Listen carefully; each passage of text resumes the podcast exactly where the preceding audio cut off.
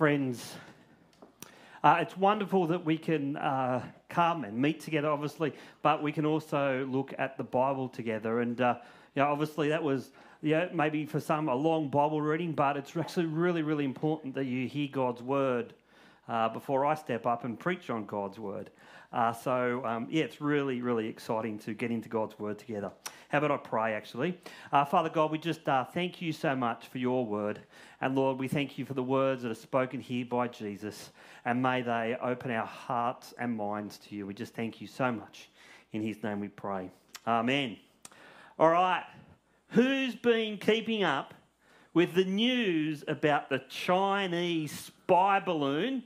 That was now it's been shot down, but you know when I was thinking prayer in my sermon, it was still up in the air. But anyway, that's beside the point. Um, who's been uh, who, who's been keeping up with that news? Yeah, it's pretty interesting, wasn't it? This balloon mysteriously appeared over the US, and this balloon was strangely flying over the sensitive military installations in the US. And it's been subsequently found that this balloon, while it had all these cool antennas on it, was actually used or supposedly used to spy on sensitive military communications above the USA. And it's also come out that this balloon not only has been used to go across the USA, I think a couple of times actually, but also it's being used around the world. Now, it said this is a Chinese spy balloon. I don't know. You, you, you think about that. I don't know. Did it have Chinese uh, logo when it hit the ground when they shot it down? I don't know. Uh, that's what they, they're saying. It's a Chinese spy balloon. Now, I think my dilemma was was this whole thing actually made up by the US government to put out more anti China propaganda? I'm a bit of a skeptic when I see these things. I, I don't know about you. Um, but also, there's other dilemmas that I'm sure the US government faced when this weird looking balloon floated through their airspace. Do they shoot this thing down straight away? Probably can't do it over populated areas. Do they just let this thing float by and not tell anyone because it's a bit of a, a, a I guess, you know, national shame that uh, this spy balloon's actually got into US airspace and actually doing what it was meant to do. There's a few dilemmas, isn't there? And we know the story ends with this balloon being shot down by the US Air Force somewhere over the Atlantic Ocean and then being retrieved by the US Navy. I don't know what you think of the story, but what I liked about this story was the memes that came out on social media. They were pretty cool, right? Oh, wait, no, go back to the other one. That's the. No, go back to that one. That, that, that. One more, that one. All right. That was, I like this one. The weather balloon. Totally not for spying. That's some, something like I'd probably write. but then, you know, my dilemma was what was the best meme? And without a doubt, this one took the prize for me. That's no moon. Now, in Star Wars The New Hope, what does it say? What's the next line? Can anyone quote it? Change channel? Change channel? Come on. People don't know Star Wars anymore? That's really, really sad. I'm going to cry. No, that's no moon. It's a space station. That's what Obi Wan Kenobi says. But obviously, in this meme, it's the spy balloon. Ha ha ha ha. I enjoyed it. I don't know about you guys. Uh, but anyway, uh, dilemmas. We face dilemmas, don't we? And actually, if we think about what we just heard in the Bible reading, there's actually quite a few dilemmas in our passage today. Now, Judas faces a dilemma. The disciples face a dilemma. Peter faces a dilemma. And we actually face a dilemma about how we're going to live as followers of Jesus. So, as we look at this passage, we're going to explore three points. One, betrayal. Judas be- betrays Jesus. Two, denial. Peter's predicted denial of following Jesus and love. Love one another. See, true followers of Jesus, well, as the passage will tell us, love one another. But first, the betrayal. And we pick up the story right after Jesus has washed the disciples' feet. And yes, as we heard last week, he explains this symbol as yes, of one of self sacrificial service, but more importantly, it's a symbol of the cleansing that he's about to do as he goes to the cross and dies for the sin of the world. Now, as the story comes into verse 18, we're given a little bit more information, aren't we? And Jesus basically says there's a traitor in our midst. Someone who's going to give the game away and cause him to be arrested and led away to his death. Now, I don't know about you, but it feels like traitors or whistleblowers are actually heroes today, especially if they expose some type of injustice or a cover up that might be happening in an organisation. Now, I don't know if you know about the world of royal commissions in Australia, but they often start with, I guess, to an organisation, a traitor, or maybe if you're on the other opposite end, a whistleblower saying something about the organisation which is going wrong. And it only takes one person to complain. But then before long, what that one person says seems to be happening in a whole entire industry. And right now, well, we have the Aged Care Royal Commission. And that's reviewing the whole entire aged care sector. Now, how'd that start? Well, people came forward and they complained about the state of some aged care facilities. And then others came forward. More people came forward to the point where the government thought we need to really investigate this. So it starts with one person. Maybe if you're the boss, you might call that person a traitor if they've exposed something is going wrong in your com- company. Or maybe for us, we might call them a whistleblower. But either way, Judas is a traitor, but he's no hero. He's no hero at all. And it seems that he's the one who's crooked. And it seems he's the one who really has never followed Jesus like the other disciples. Maybe he's come along for the ride, but he's never really believed what Jesus said.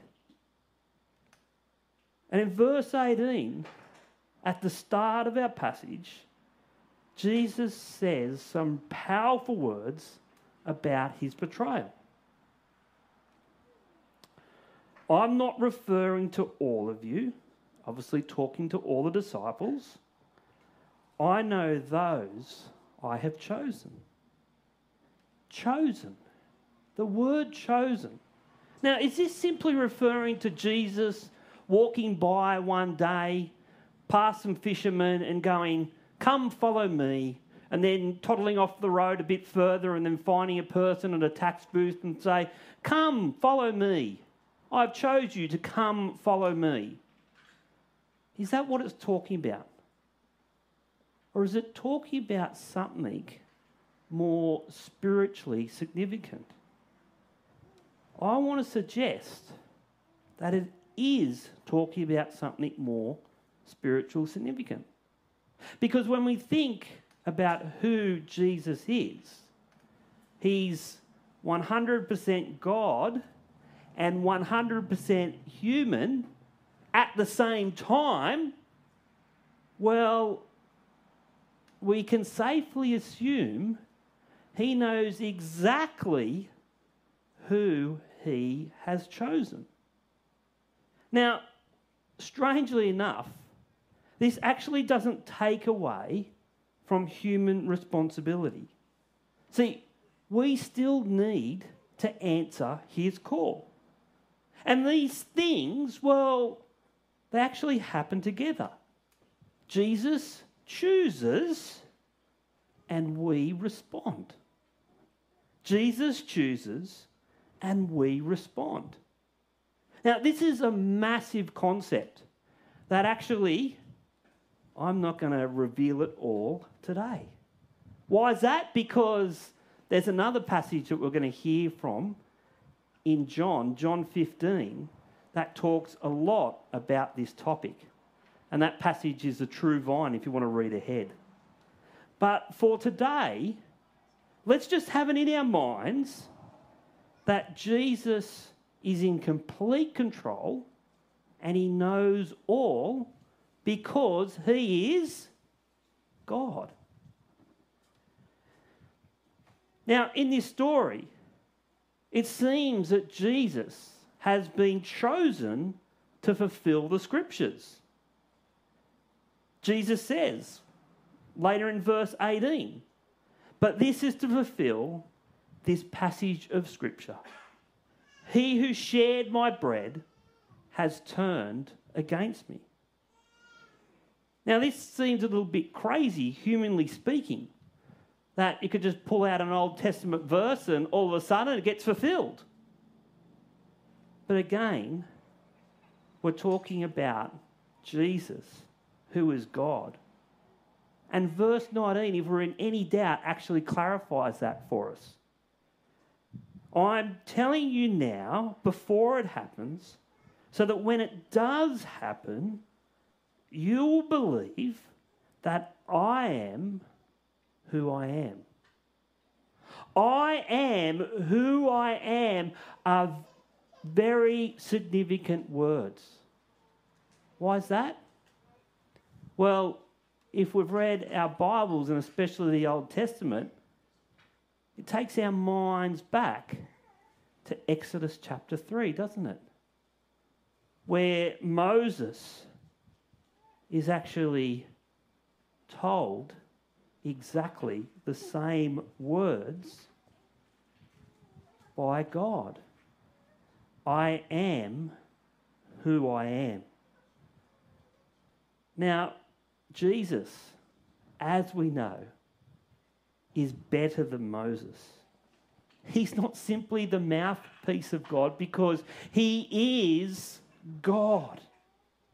So, yes, while we are reading real history of Jesus' last week on earth, there is something deeply spiritual that's happening here. Now, as we read on, well, we see something more, don't we? We see the disciples. They don't quite understand what's going on. They're thrown into their own dilemma by what Jesus says in verse 21. After he said this, Jesus was troubled in spirit and testified. See the human side of Jesus coming out there? He's actually emotional. He's actually concerned. And he says these words Very truly I tell you, one of you is going to betray me. Imagine hearing those words if you're Jesus' followers. If you're going, what is going on here? And that's sort of the mindset that Peter and John, John is referred to here as the disciple whom Jesus loves. They're thrown into confusion. There's a dilemma for them. And what does John do? Well, he leans over and he asks Jesus the question Who is this? And then Jesus says, the one who takes that piece of bread, he's the one. And as we know, that's Judas. But is Judas just an innocent pawn being used by Satan to betray Jesus? Or is he being used by God to actually just fulfill the scriptures, to make sure the Old Testament makes sense? Well, no. Because it actually seems, if we look deeper at the passage, that Judas willfully chose this path of betrayal. See, from the beginning, Judas was never on board with Jesus' plans. There were questions actually about how he managed the money. It seemed like he wasn't really the world's best treasurer, trust me. And then what happens in the end? Well, he goes to the priests and asks for money to get Jesus. He hands Jesus over for 30 pieces of silver. Imagine if you hung out with somebody for so long and in the end, that's all they were worth to you 30 pieces of silver. But see, even in our passage today, Jesus still provides Judas an opportunity to stop, to stop this path of betrayal. And this is the whole passage about the dish. See, when Jesus offers this piece of bread from the dish, as a host would do in the ancient world to any special gift, guest, it actually has a deeper meaning. It shows that Jesus is actually wanting to love Judas. Jesus is wanting his divine love to overcome the evil that is about to happen when Judas takes that piece of bread and seals his fate. See, humanly speaking, Judas could have actually backed down. Satan may have tempted him, but once he took that bread, well, he entirely gave in to Satan's plan. And the betrayal was unstoppable. Now, hearing that, you might have in your mind, oh, Satan's really, really powerful. He's scary. Is he unstoppable? What are we going to think? Well, we actually need to take a step back here. Because when we look at other parts of the Bible, we read something different. James chapter 4, verse 7, for example. Submit yourselves then to God, resist the devil, then he will flee from you. James has a way of putting things very, very simply. And this is very, very true. But even through John's gospel, Jesus has already spoken, hasn't he, about the light, the light of Christ coming into the world and overcoming darkness. Even if you're a, a, a, budding scientist, you know that darkness is actually the absence of visible light. See, often we think about good versus evil, but actually isn't that, right? Because evil is the absence of good. And we know that God is good. See, friends, what Jesus did on the cross, well, he defeated darkness. And in his resurrection, well, he's defeated Satan. He has the victory. The victory's been won. And yes, there's still darkness that exists in this world, and there's still people who refuse to live in the light of Christ. But Jesus has won the war. Now, what does this mean for us? Does this mean that these people who live in the darkness are completely harmless? In a spiritual sense, yes. But in a physical sense, no. See, Judas very clearly, well, he caused anguish for the disciples, and he caused anguish for Jesus. A person in the church context who doesn't submit to God and follows the devil can also cause issues. Friends, we often hear of stories where people who think they're doing the right thing in their minds actually cause a lot of anguish. Churches can be wrecked by a single person or a group of people who move so far away from the truth found in Jesus and His Word, and they do absolutely crazy things. Is this something that should worry us? No. It is something that we should be aware of. But one thing's for sure God is in control. God is in control. And He is good. While one church or maybe a group of people can go off the rails, we actually see evidence that God is in control and that He's growing His kingdom. His kingdom is absolutely unstoppable. Now, in this northwest area, new people are coming to church. New people are coming to lots of churches around this area. All the ministers are telling me that. There are more people in churches than there were pre COVID. Our church is getting 20 to 30 people more than it did this time last year. We've got wonderful new people coming, and there's such a blessing. Globally, well, God is working. There are more people attending Anglican churches in Nigeria than are attending Anglican churches in England, the US, and Australia combined. God is in control. God is still working in this world. Friends, we don't need to fear Satan. We don't need to fear the darkness in this world.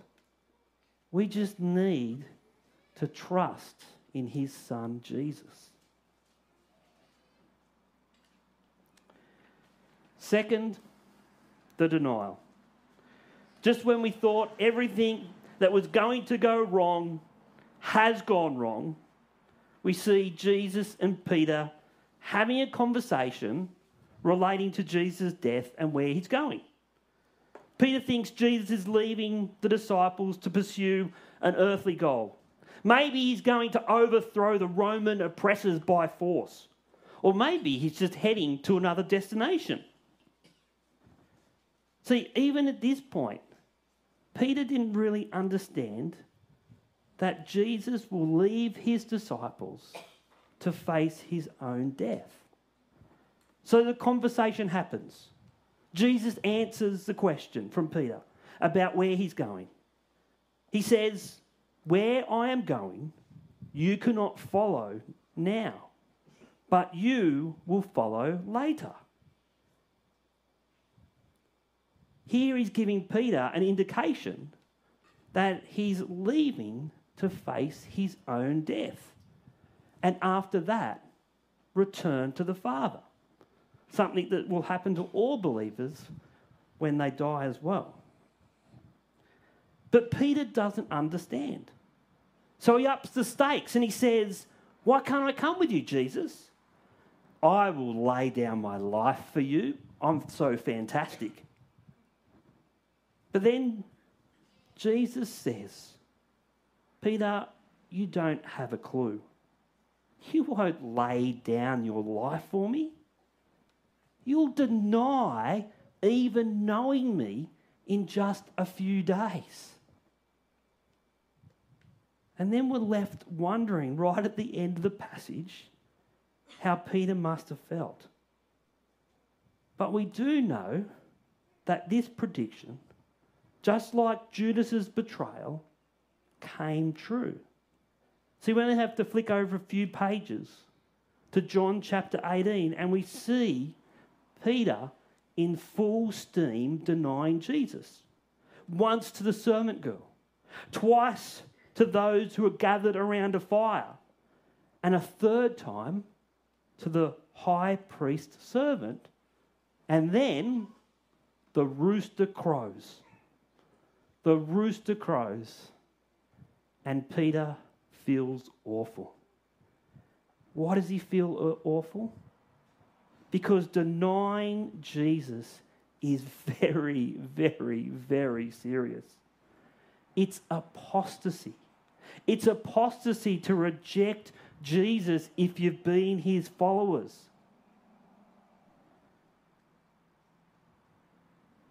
But the question comes why doesn't Peter receive the same fate as Judas?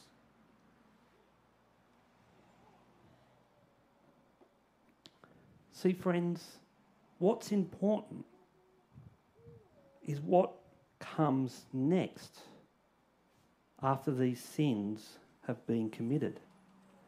And what comes next for Judas is remorse and going to the priest or the priests and saying, Sorry, I've done the wrong thing. A little like saying, I'm sorry that I've been found out that I conspired to kill Jesus. I'm sorry that I got found out. But what does Peter do? Well, he does something different, doesn't he? He goes to Jesus.